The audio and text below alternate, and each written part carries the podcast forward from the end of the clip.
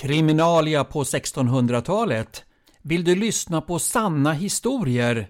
Olika rättsfall som handlar om mord, dråp och dödsdomar runt omkring på Falbygden. Jag misstänkte väl det och därför så kommer jag läsa upp åtskilliga sådana ärenden, både långa och korta och sådana som slutar med avrättning eller att de blev frikända. Sånt vet man aldrig i förväg. Kriminalia Rättsfall från Falbygden runt mitten av 1600-talet som berör mord, dråp och dödsdomar. Frökins häradsting 1641 den 8 oktober.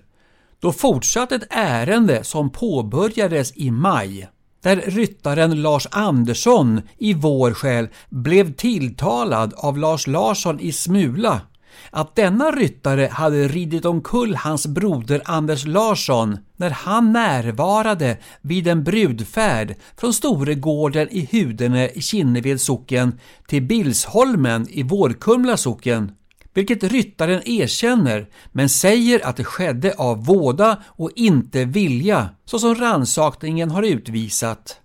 Här på tinget kom ryttaren Lars Andersson och utfäste en våda-ed och var då en bland tolv som svor eden att det skedde med våda.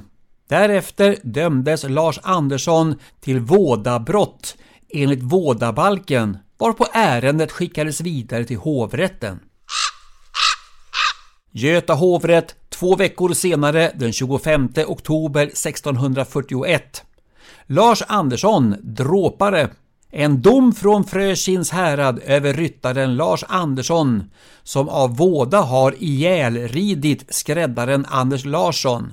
Beslut för de skäl som finns i häradsdomen godkänner Göta hovrätt den domen.